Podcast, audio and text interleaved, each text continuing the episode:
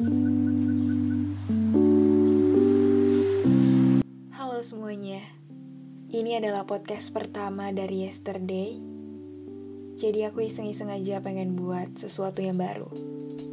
Tapi semoga keisengan aku ini berlanjut, biar ada podcast-podcast selanjutnya. Oh iya, judul podcast kali ini yaitu Bagaimana mau melupakan kalau memiliki saja nggak pernah.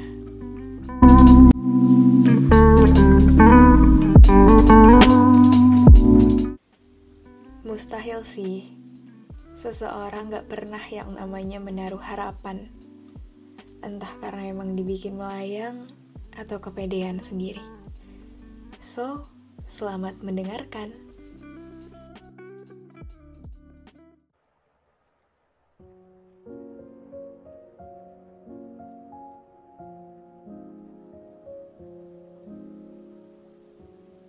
Masih ingat dengan jelas bagaimana cara dia memperlakukan saya seolah sebegitu istimewanya. Saya tahu betul apa-apa saja yang sudah dia lakukan untuk saya. Yang bikin saya tuh jadi salting gak jelas. Saya gak minta apa pun waktu dia datang saya cuma ingin berteman, ingin kenal, kenal baik. Gak ada sedikit pun niat untuk saya berharap lebih dari seorang teman.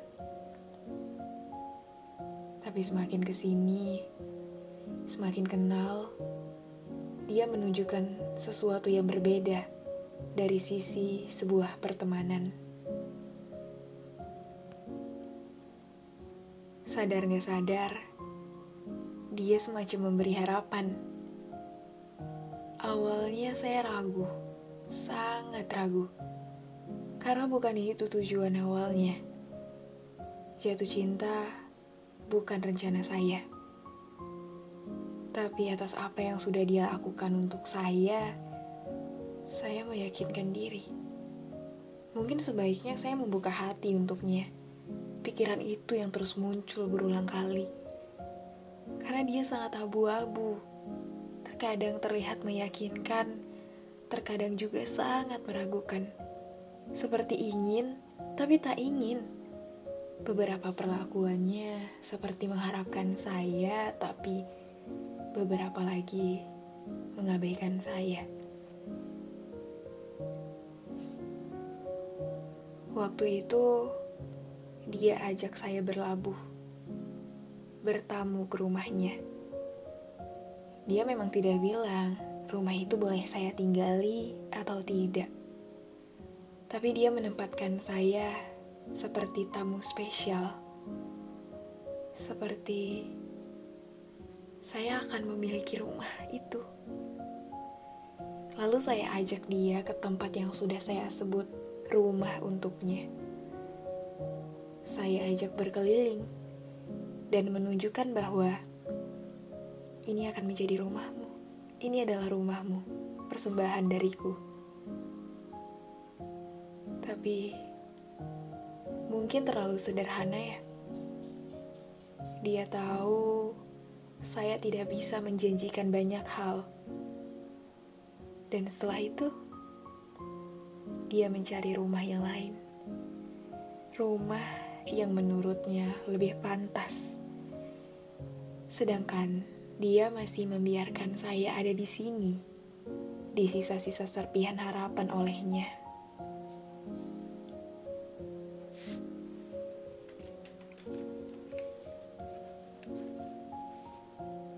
Saya hanya bisa menyalahkan diri saya sendiri. Kenapa tak saya biarkan saja itu berjalan sebagaimana mestinya. Tak perlu susah-susah meyakinkan diri saya untuk membuka hati, sedangkan dia menghempaskannya begitu saja sebelum benar-benar memiliki. Lantas, bagaimana caranya saya untuk melupakannya, sedangkan untuk menerimanya saja begitu sulit? Benar ya, apa yang tidak bisa dimiliki adalah hal yang paling sulit untuk dilupakan. Dan apa yang paling sakit dari jatuh cinta adalah mengira. Saya mengira hadirnya untuk menetap. Saya mengira dia yang selama ini saya cari. Dan saya mengira saya satu-satunya. Ya, saya hanya mengira, sedangkan kenyataannya tidak demikian.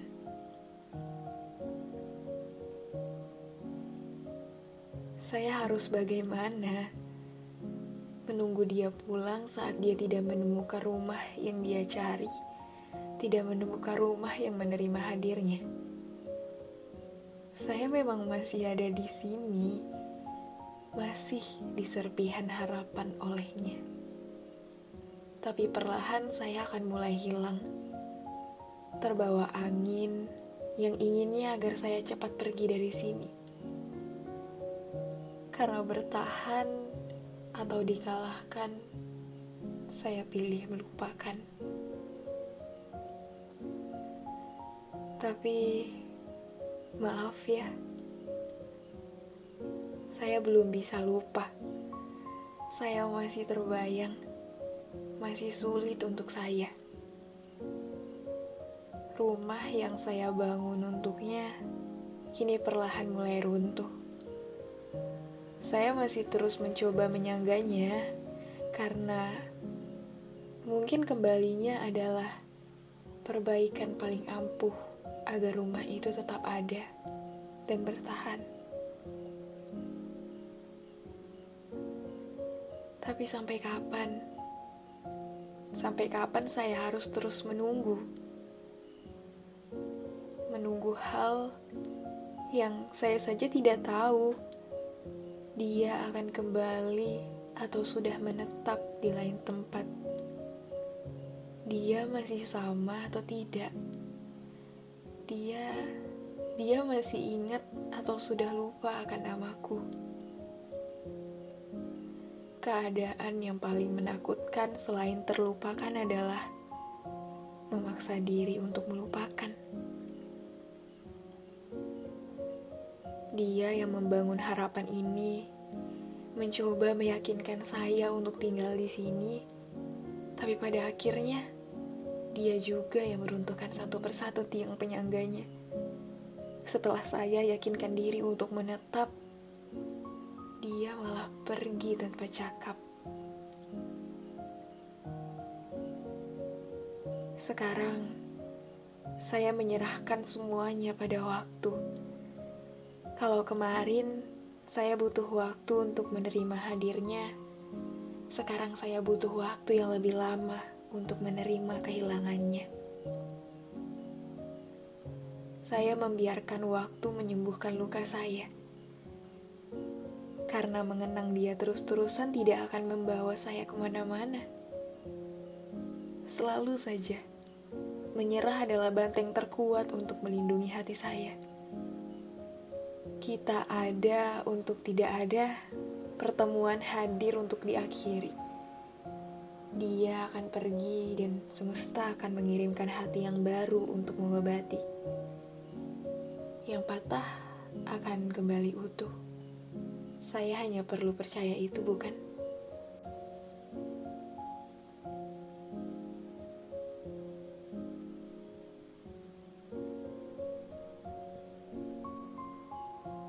Saya sadar bahwa yang membuat saya sulit melupakannya adalah saya hanya belum benar-benar melakukannya. Saya masih mencari tahu, saya masih menunggu saya masih mengharapkannya, masih terjebak pada angan-angan yang dia buat untuk saya. Mungkin waktu itu dia lagi bosan ya. Kebetulan ada saya. Kebetulan cuma saya yang bisa menemaninya. Dan setelah dia bosan sama saya, dia mencari saya-saya yang lain untuk menemaninya selanjutnya.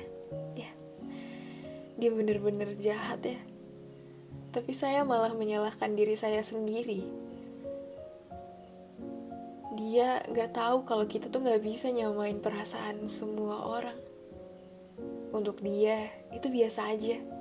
Hal wajar mungkin anggapannya. Tapi untuk saya, ini sangat menyakitkan. Ini membuat saya sedikit trauma untuk kenal orang baru.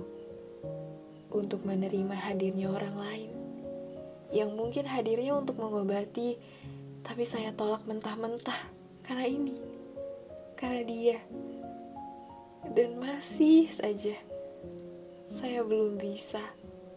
Saya belum bisa ikhlas hati saya disentuh siapa pun. Karena saya sangat takut kalau bertemu seperti dia-dia yang lain. Saya terus bertanya pada hati saya, Salahkah jika saya bertingkah seperti ini? Memaksa kehilangan padahal memiliki saja tidak. Mencoba terus meyakinkan hati bahwa saya akan terbiasa tanpa dia.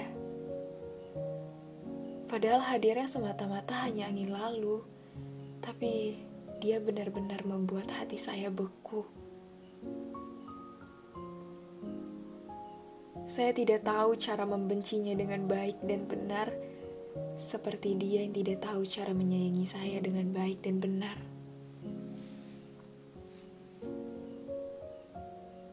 Tapi tidak apa, saya akan melewati ini. Saya percaya. Saya hanya perlu waktu.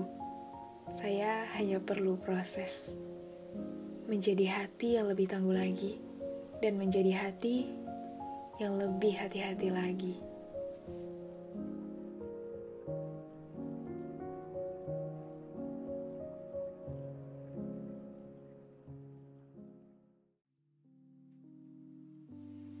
Terima kasih sudah mendengarkan podcast dari yesterday.